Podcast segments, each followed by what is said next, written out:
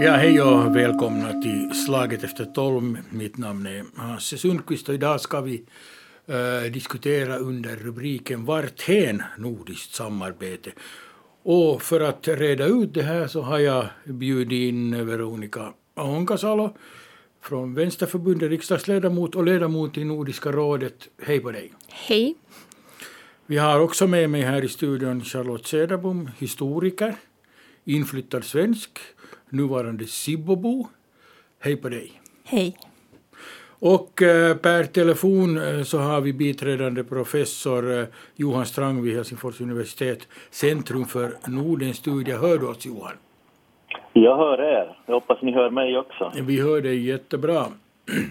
Nu ska vi eh, diskutera nordiska samarbete och man kan ju ifrågasätta kanske nödvändigheten med nordiskt samarbete då vi har en mer global värld och vi har EU-samarbete och sånt.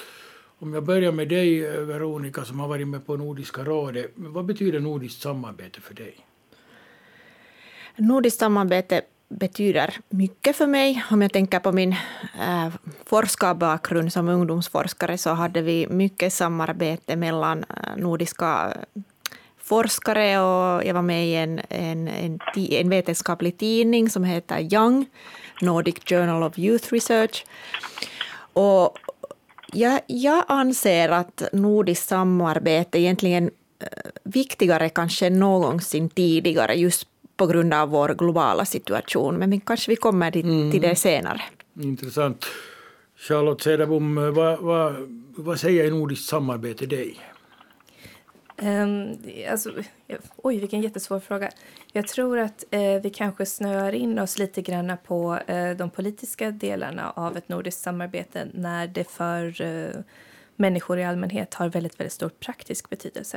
Det är klart att det nordiska samarbetet är jätte, jätteviktigt. Livsviktigt för en del, som det har visat sig. Livsviktigt med nordiskt samarbete. Johan Strange, tycker du också så här?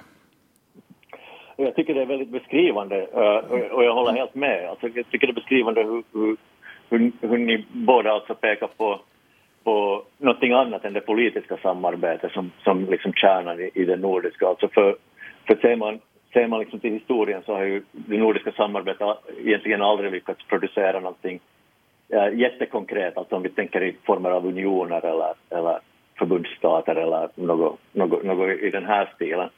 Men, men däremot så är det just den här spindelväven uh, som, som äh, i stort sett alla människor som, som har ett jobb eller, eller, eller är aktiva inom något, något, något fält så, så har någon form av, av, av nordiskt samarbete som de håller på med. Alltså politiska partier, fackföreningar, jurister, teologer, forskare, läkare, sjömän och whatever. Alla har, alla har något slags nordiskt samarbete och det är det här som är, är det viktiga. Och, och och, och, och det, är liksom, det, det, är viktigt för att vissa, vissa fält är för små, för att vi är små länder, så att man behöver liksom andra människor att tala om. Inom forskningen så är det ofta på det här viset. Men, men på, på, i många, många sammanhang så handlar det också om, om, att bara få ett hälsosamt perspektiv på, på de egna diskussionerna. Och då är det jättebra att vi har de här, våra, våra kära vänner, kära grannar som, som, vi kan, som lite öppnar våra, våra perspektiv från våra snäva inhemska diskurser. Tycker ni att vi borde stärka det här? För vi skulle kunna vara en ganska stark union i världen med, med om vi skulle ha ett starkt nordisk, en nordisk union som drar åt samma håll. Vad ser du Veronica, på, på politiskt så, så är det kanske inte så möjligt att göra en sån sak. Men...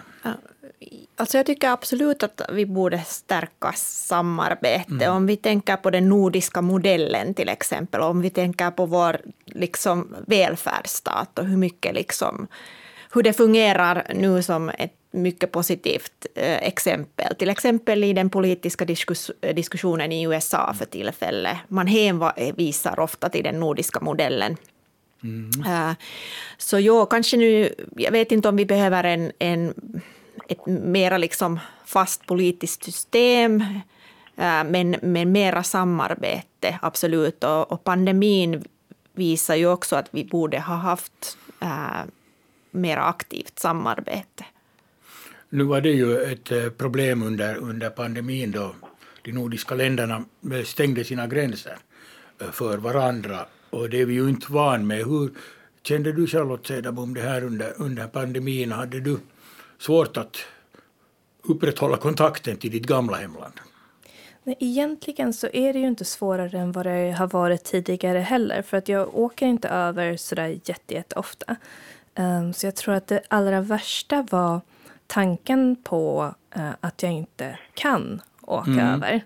Att, att uh, hela den här mentala biten, att det är öppet, att händer någonting mamma och pappa i Sverige, så då är jag där direkt. Att, att det ordnar sig allting sånt. Så när gränserna stängde ner så kändes det nog vansinnigt ensamt um, ett tag för att man förlorade möjligheten att åka dit som jag inte har utnyttjat på, på 15 år, att i panik åka över för att någonting har hänt. Uh, men att man ändå har den tryggheten. Men det, och det finns det, möjlighet, ja. Ja, precis. Mm. Och jag tror att det är många som kände, kände likadant. Att, att, um, att just den här öppenheten och, och, möjligheten att ta sig över om man skulle behöva för oss som har eh, viktig familj på, på en annan sida av en gräns. Nu är det ju många som också eh, eh jobbpendlar över, över gränserna, i synnerhet i, i, i norra Finland och, och varför inte på andra ställen också. Johan Strang, hur gick det så här att vi mitt i allt blev nationalstater?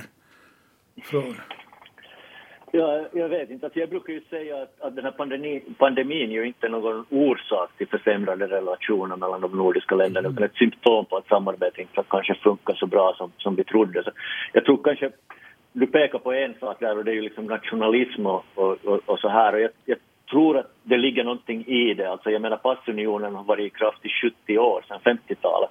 Äh, eh, ända fram till flyktingkrisen och, och sen dess så, så har, har man hållit på och, och liksom äh, stänga och, och öppna och, och, ha olika former av, av, av restriktioner på, på, på, på, gränserna. Så, så utlandet liksom, och det internationella samarbetet så, så ses inte längre som en lösning eller, eller något slags hopp utan det är egentligen mer fråga om ett hot. Och så här. Så att stänga gränserna har blivit ett fullt accepterat verktyg för regeringarna att ta till också innanför Norden. Men den andra saken som är kanske ännu viktigare så det är liksom just den här spindelväven som vi talade om tidigare. Alltså det här det, det här vardagssamarbetet. För det, det, det, är ju inte bara en fråga om liksom något sånt folkligt samarbete utan det är också ett, ett, ett, ett samarbete på den administrativa nivån i, i, i Norden. Alltså så, att, så att ministerier och, och, och forskningsinstitut så har, har, har jättetäta kontakter med varandra. Men, men det verkar som om de, de här kontakterna har blivit försvagade under de senaste åren. Och, så, så det, och, och det här gjorde att vi inte hade en gemensam strategi när, när vad heter det, alltså vi hamnade på helt enkelt så olika, olika banor i början av pandemin och sen, sen mynnade det också ut i att man började stänga gränserna uh, och, och sånt här.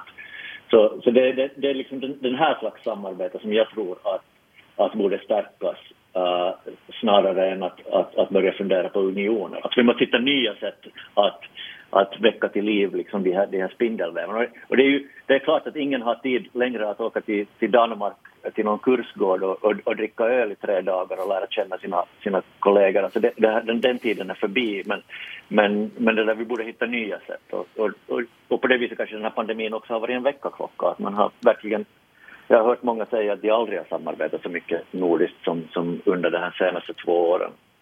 Vad kan det bero på att det, att det börjar krackelera då, det nordiska samarbetet som så att försvagats under tid? Uh, det, många olika saker. Alltså, eh, det, det ena är ju då förstås att, att, att vi är engagerade i så jättemycket andra former av internationellt samarbete. Tidigare var ju det nordiska samarbetet vårt främsta uh, internationella samarbete. Det var liksom unikt för, för det var en, liksom en heder för att sitta med i Nordiska rådet och det var en heder att få fara på de här olika nordiska mötena. Men idag så är det är det jättemycket som pockar på intresse. Alltså EU framför allt, men också en massa andra olika, olika uh, sammanhang som man gör. Och sen har också tid, tiden helt enkelt blivit, alltså arbetstakten för både på ministerier och, och för oss forskare och, och inom andra professioner har, har arbetstakten har blivit så mycket snabbare så man har inte tid att, att hålla på med hur, hur mycket, hur mycket, hur mycket sådana här saker längre. Så, så man måste hitta nya lösningar. Och där är ju då kanske just sånt här som, som Zoom-möten och, och sådana här saker en, en, en väg framåt. Att någonting, någonting borde man göra och det här tror jag att man diskuterar ganska intensivt på, Nordiska rådets sessioner förra veckan, men det kanske säkert, jag var inte där själv, jag, jag, men Veronica kan ju säkert, säkert eh, säga, säga någonting om vad man, vad man diskuterar om där.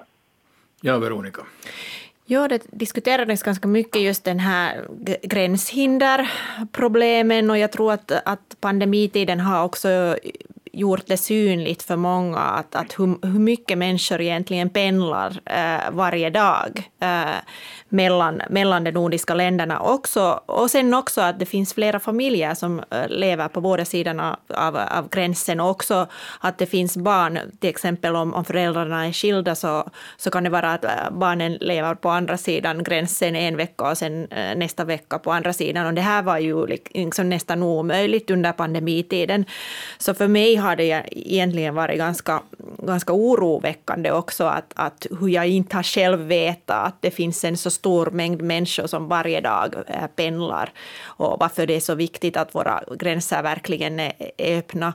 Och jag tycker det var mycket viktigt att lyfta fram den här, eh, det här året 2015 och, och, och liksom hela den här krisen, eh, humanitära krisen och, och diskussionen om asylsökande. Att jag har själv som forskare följt med den här diskussionen och nu som beslutsfattare. Och det är nog sorgligt att de nordiska länderna har också börjat sinsemellan tävla liksom, mellan mellan länderna att vem som har det liksom mest stränga asylpolitiken och, och, och, vem som drar gränserna fast istället för att man skulle ha liksom någon sorts gemensam eh, solidarisk politik och att, att de nordiska länderna skulle understräcka att, att vi respekterar mänskliga rättigheter i, i världen var, var man kanske inte liksom på samma sätt mera respekterar mänskliga rättigheter. Så, så det är nog viktigt just den här frågan att ta upp att, att egentligen så handlar, började med den här asylpolitiken. Charlotte eh, Cederbom, du flyttade eh, till, till Finland för länge sedan. Eh, hur kändes det? Hade du en sån här nordisk identitet eller var du bara en, en svensk som flyttade till Finland? Uh, nej, alltså jag började studera historia på universitet i Sverige och studerade redan då medeltidshistoria, som är det som jag forskar i nu för mm. tiden. Um, och där så studerade vi Sverige utgående från den moderna svenska kartan. Och det ville inte jag fortsätta att göra, utan jag ville skriva om, om eh, det medeltida Sverige så som det såg ut, med Finland integrerat eh, som, en, som en del av Sverige. Inte som ett Sverige-Finland utan som, som en verklig del av det. Precis som att eh, Stockholmsregionen eller det, det, var liksom på riktigt en, en verklig del av det. Så det vill jag göra, så därför så kom jag hit um, utan att uh, kunna egentligen mycket om Finland alls, uh, men med alla intentioner att lära mig finska. Så att jag skulle kunna tillgodogöra mig den finländska forskningen också. Um, så, så därför. Jag tror att um, jag tror också att det har att göra jättemycket med just flykting krisen som vi, som vi gärna kallar den. Mm. Men, men om man nu har liksom ett 700-årsperspektiv som ändå, som det jag sitter med, eh, när man på, på 1300-talet också skapar unioner mellan och, och, och, vi studerar gärna historiskt också länderna från Sveriges metrik och Danmarks metriker, Men egentligen så har ju folk flyttat över gränserna hela tiden.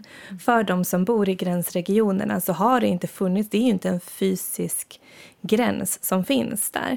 Så den har alltid varit öppen. Och även de eh, som då egentligen mest har varit skatteadministrativa gränser, som är det som vi pratar om om vi går tillbaka i historien mellan länderna. Eh, även de har ju förändrats hela tiden att Sveriges karta har ju inte sett likadan ut hela tiden. Finlands karta har inte sett ut så där hela tiden. Om vi går tillbaka 500 år i tiden så har vatten varit det som binder samman olika regioner och stora skogar och liknande, typ skogarna i södra Sverige som utgjorde en naturlig gräns för dåvarande svenska riket och sedan så är det istället vattnet liksom som, som binder samman. Så att jag tror att eh, människor som har levt och verkat i rikena har aldrig sett gränserna. De har aldrig funnits där förrän, förrän kanske nu. Då någon plötsligt säger att nej tyvärr, du får inte, du får inte resa till din familj längre. Och det, det har inte hänt tidigare, det har inte varit så. Så det är de kriserna som har fått fram lyft fram gränserna? Nej, jag tror att det är nu som vi först har eh, maktmedel ovanifrån att säga nej, du får inte. Mm. Det, man har inte haft det tidigare på samma vis. Det, och det har inte funnits liksom, eh, kanske behov av att stänga ner tidigare på det viset som vi gjorde nu. Det ser man ju i synnerhet uh, ur, urbefolkningen som vi säger, samer och sånt, så, så de vill ju inte... Uh, de har ju ett sameland så att säga som är uppdelat i, i fyra länder. Gränser är någonting som vi har hittat på bara. Precis. Ja. Vad säger du Johan, äh, låter det här ett, ett nytt påfund det här med, med, med gränser som, som stänger ut, ut oss? Ja, i ett långt historiskt perspektiv är det, är det, är det ju äh, säkert, säkert så. Jag, jag, tror också att de här...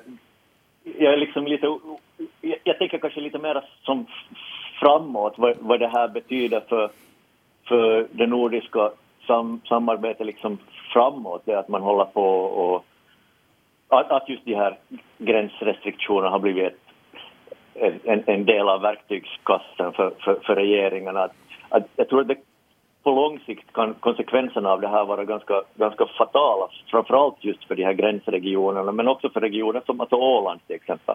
Mm. Att, att kan man, kan man det där kan man, kan man lita längre på att gränserna är öppna? Alltså jag tror att folk börjar lite sådär fundera två gånger uh, innan de söker ett jobb i grannlandet eller, eller innan de köper en sommarstuga på andra sidan gränsen. Att, att, eller för den delen att börja bygga ett köpcentrum uh, i, på, på, på, i gränsen mellan Sverige och Norge eller, eller eh, Haparanda-Torneå. Att, att, att det där, och, och, och, är det så att folk börjar liksom ordna sina liv mera enligt, enligt liksom nationalstatsgränserna så kommer ju de här, är det många regioner i, i, i Norden som, som blir periferier, alltså sådana här eh, återvändsgränder uh, snarare än, än, än liksom sådana dynamiska gränsregioner. Så det tror jag kan vara, vara ganska, ganska fatalt. Och sen tror jag också att det kan vara lite jobbigt, eller jobbigt för den, nord, den nordiska liksom samhörigheten om, om, om det är så att att den nordiska samhörigheten vi, vilar och bygger på det att folk Eh, eh, jobbar och, och, lever sina liv på tvärs av gränserna i en gränslös region. Men om, om det inte längre är så, så, så vad, är det, vad är det då vi, vi egentligen har gemensamt i, i, i Norden i, i framtiden äh, eftersom vi inte har någon union eller, eller någonting annat att, att, att falla tillbaka på.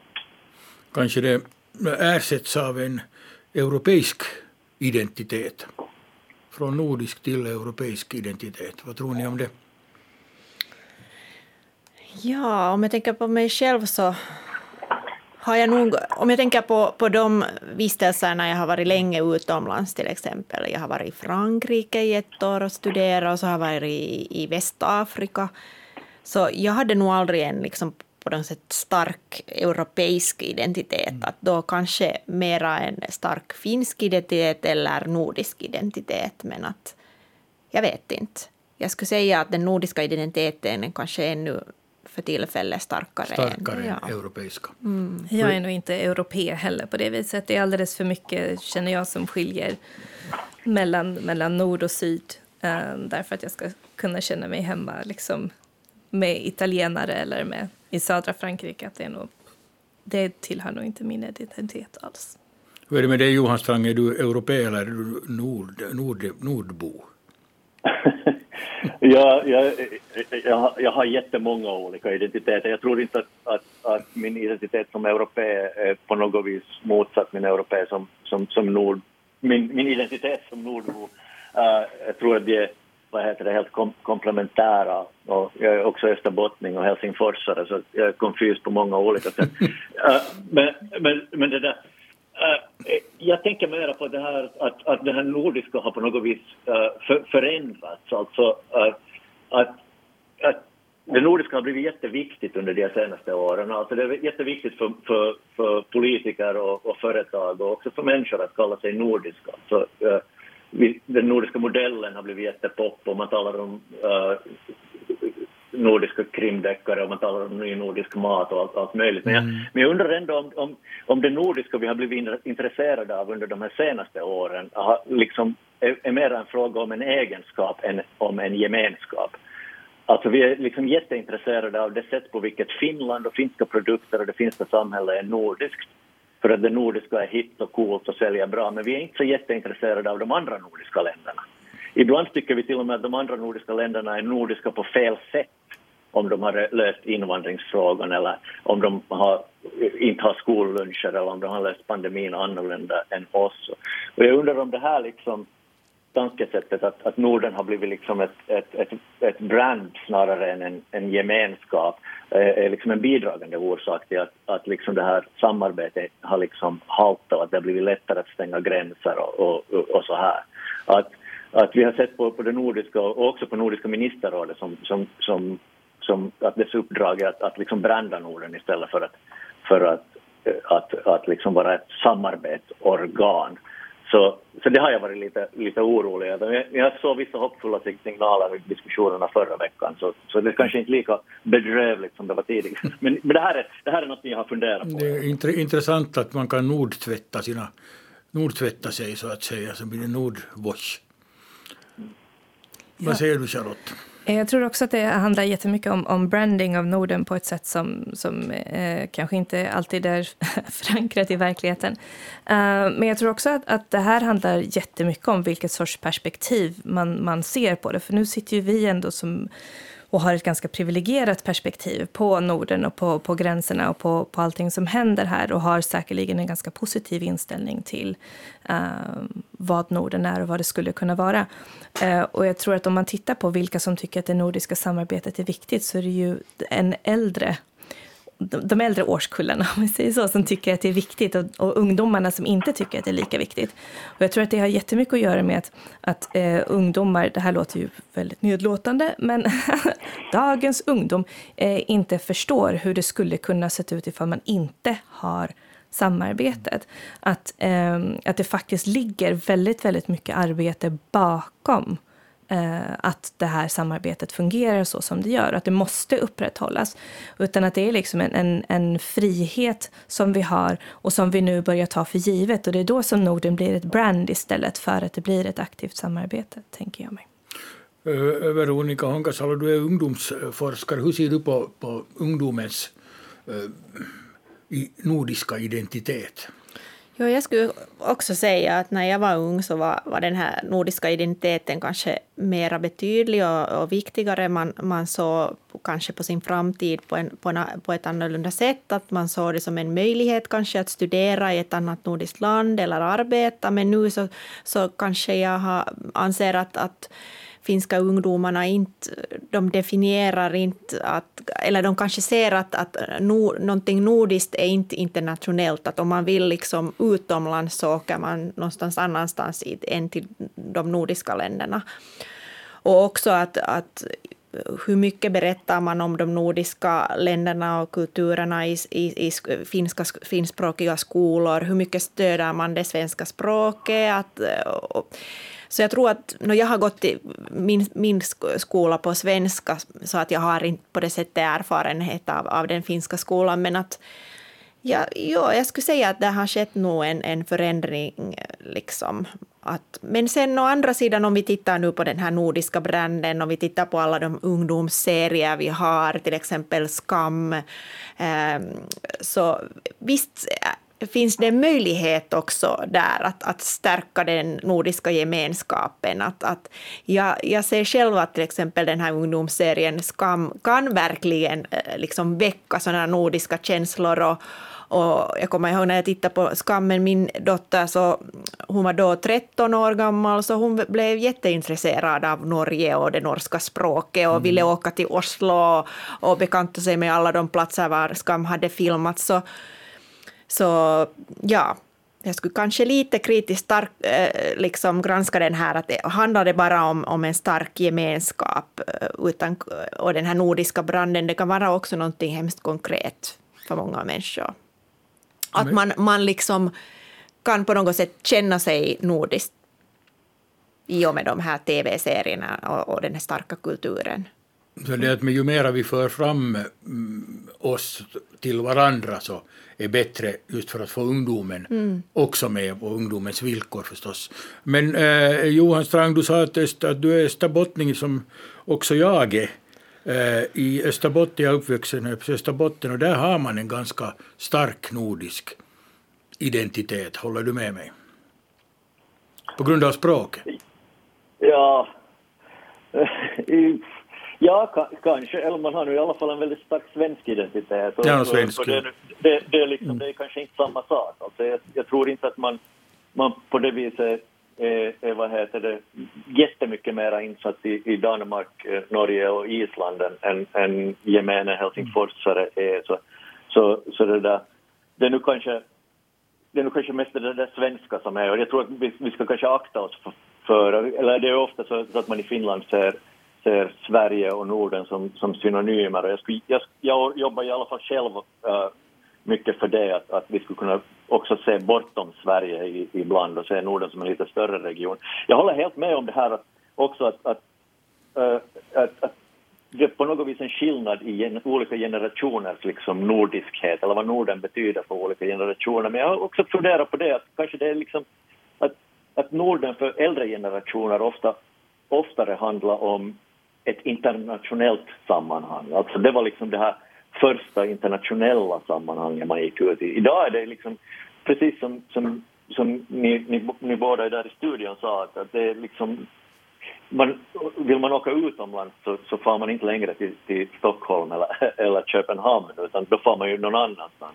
Så Norden har på något vis blivit en, en hemmaplan. Men samtidigt är det ju jättemånga nordbor, alltså unga nordbor som, som, som jobbar och studerar i de andra nordiska länderna. Jag tror att det aldrig har varit så många som, som det, det är idag.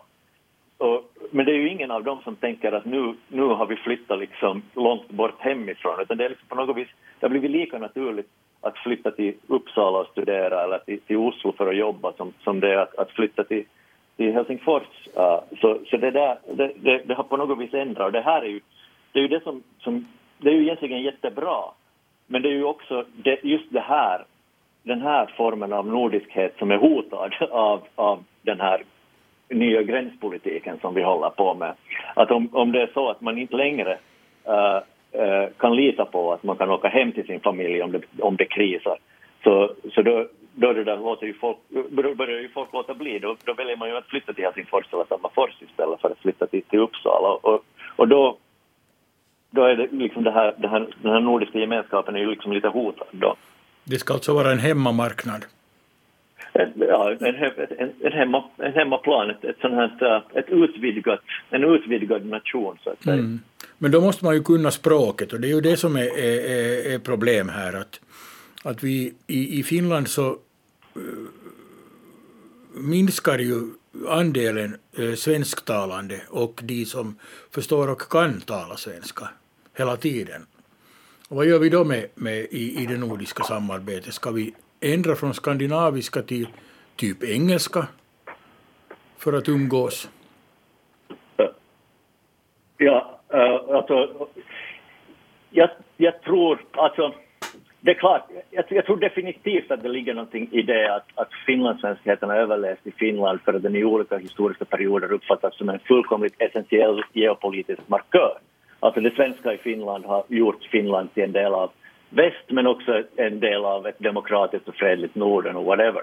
Men, men jag tror också definitivt att det, det, det är dags för oss finlandssvenskar att sluta oja oss om hur dåligt finnarna talar svenska och hur lite de är intresserade av svenskan och så här. Istället borde ju målsättningen vara att få finnarna intresserade av Norden och det nordiska samarbetet. Mm. Och, och, och, och vilket språk det sker på. Så det tycker jag är sekundärt. Eh, så jag tycker att vi finlandssvenskar borde jobba för en mer avslappnad hållning till engelskan i nordiska sammanhang. Dels för att sluta monopolisera samarbetet och istället se det som en, eh, vår roll att introducera det finska Finland till, till, till, det, där, till, nord, till, till det nordiska nätverket. Alltså om vi hårdnackat insisterar på att det nordiska ska ske på skandinaviska och säger, säger att finnarna att de inte kan ta del av det för att de inte kan svenska, så då gör vi det nordiska i Finland en björntjänst och vi gör också finlandssvenskheten i en björntjänst. En björntjänst. Det är liksom helt kontraproduktivt. Vad säger ni andra om det? Ja, alltså jag vet inte hur länge den här tolkningen från, från finska till de andra nordiska länderna har varit, eh, pågått i Nordiska rådet. Kanske Johan vet bättre och också, också då i och med att eh, islänningar kan ha den här tolkningsmöjligheten. Så, så det möjliggör ju samarbete under de här Nordiska rådets möten. Men alltså fast jag talar och förstår flytande svenska så jag har igen jättesvårt att förstå mig på, på danskar. När dans, och, och det var visst Erkki Tuomioja som sa att det har skett en liksom språklig förändring de senaste hundra åren. Att det danska språket är inte alls samma som det var för hundra år sedan. Och det som är intressant eh, också, också inom vår egen eh, grupp, den Nordiska gröna vänstern, att jag till exempel förra veckan sa flera gånger eh, till våra vänner från Danmark att jag har svårt att förstå danska, att vi har ingen tolkning på under de här mötena. Att jag, jag klarar mig på svenska men jag har svårt att förstå danska. Fast det sa flera gånger så det hade ingen effekt och betydelse. Så att det här, ja, jag skulle kanske, jag skulle Eftersom jag har själv den här bakgrunden att jag började på tvåan i lågstadiet och kunde inte ett ord svenska och, det, och den liksom, att jag har den här bakgrunden har gjort, gett mig liksom massor med möjligheter i mitt liv, både som forskare och som politiker. Och, och, jag skulle vilja att det skulle vara fint att, att flera finskspråkiga skulle ha den här möjligheten. Att, att kanske också den finlandssvenska kulturen borde öppna sig eh, också för den här möjligheten. Att, att, att sådana som har finska som, som modersmål skulle kunna börja, eh, liksom barn till exempel, börja eh, i skolan på, på svenska eller att man kan använda språk på så många olika sätt.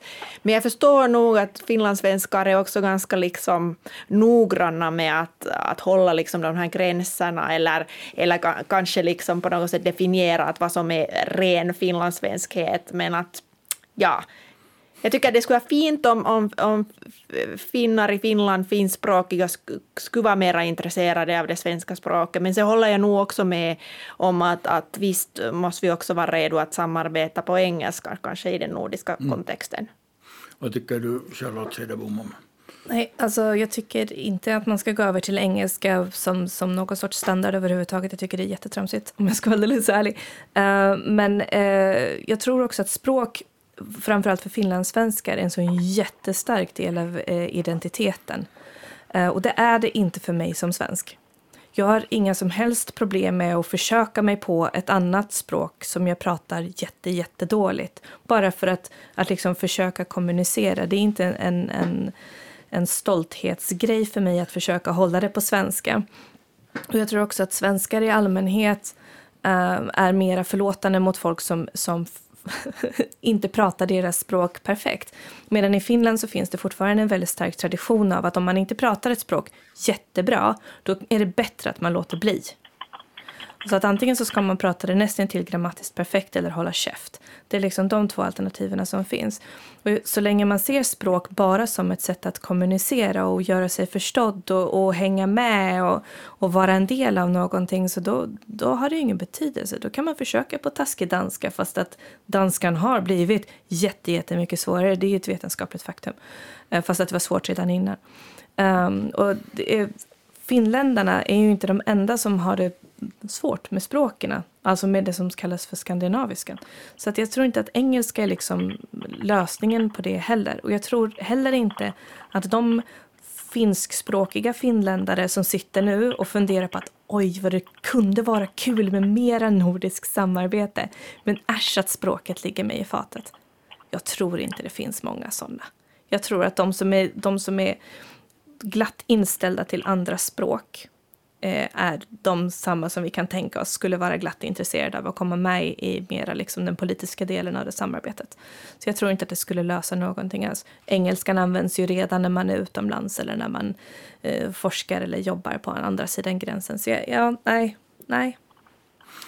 Eh, Johan eh, Strang berättigar inte eh, det svenska eller skandinaviska språket i nordiska samarbetet vår existens som finlandssvenskar?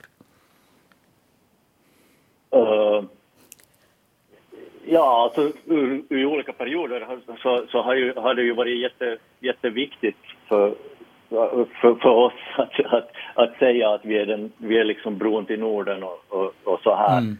Uh, så, så, så, så, i viss, i viss mån, ab, ab, absolut. Men, uh, men det där... Uh, ja, alltså det är mycket annat som håller oss ihop i Norden också. Alltså språket är viktigt, men, men ja, och, och, och, jag är inte för att man ska gå över liksom till engelska i det officiella nordiska samarbetet. Jag, jag skulle bara liksom önska att man skulle vara liksom lite mera, mera flexibel. avslappnad. Ja. Lite mer flexibel och lite mer avslappnad. För danskarna textar ju själva sina tv-serier till, till varandra för att de ska förstå vad de, vad de säger ibland. Så, så, så det, det är klart att det finns, det finns sådana problem. Det som jag är orolig för är att vi delar in folk i Norden i bättre och sämre nordbor. Uh, jag menar finnar, samer, inuiter är inte sämre nordbor för att de inte kan kommunicera uh, uh, på, på de skandinaviska språken. De är också en del av den här mm. samma, samma gemenskap. Och det finns också en massa invandrare som har flyttat till Norden från andra främmande länder som har lärt sig, efter, med stor möda och mycket besvär, har lärt sig ett, skandinav, ett, ett av de här skandinaviska språken. Och de, det är inte så jättelätt för dem att fatta de andra skandinaviska språken. Uh, och, och, ett av liksom de, det nordiska samarbetets ödesproblem, säger jag, är i, i, i det att vi, vi också ska liksom väcka de här befolkningsgruppernas intresse för, för det nordiska samarbetet. Och faktiskt eh, bland liksom till exempel somali-communities i de olika nordiska länderna, så de, de har ett samarbete med varandra faktiskt, men, men de, de ska också kunna inkluderas i, i de mer officiella sammanhangen. Och då tror jag det kunde vara viktigt att, att öppna upp för, för, för, för engelska. För vi ska sluta dela in folk i, i bättre och sämre, sämre nordbor uh, i, efter det hur bra de fattar de skandinaviska språken. Det är liksom mitt, mitt, mitt budskap. Att förstå att vi är ett uh, multikulturellt samhälle också i Norden. Det har alltid varit, ja. Mm. Äh, ännu en sak som jag tänkte fråga av Veronica Honkasalo, du var med på, på rådet, så nu var statsministrarna i de olika nordiska länderna bedyrar ju nu att det ska bli, allt ska bli bra. Är det nu ett, ett tal bara för, för folket eller, eller kommer det att göras något? No, jag hoppas att det kommer att göra så att, det kommer, kommer att, att, vi, att vi ska ha lärt någonting, eh, oss någonting konkret från pandemin och angående de här gränserna och gränspolitiken. Så jag verkligen hoppas. Och vi hade ju också ett medlemsförslag om att vi borde ha en gemensam nordisk vaccinproduktion, så det finns verkligen mycket konkret som vi kan, vi kan göra. Eh, att det är klart att det, det var sån här stark politisk retorik, men, men jag hoppas att, att, att, vi, att det här samarbetet också förstärks i, i framtiden. Vi får se hur det går. Jag, jag, jag tackar Veronica Honkasalo, Charlotte Cederbom och eh, Johan Strang för de här, den här intressanta diskussionen. Ha en bra fortsättning på dagen. Slag efter tolv igen imorgon. Mitt namn är Hasse Sundqvist. Hej då!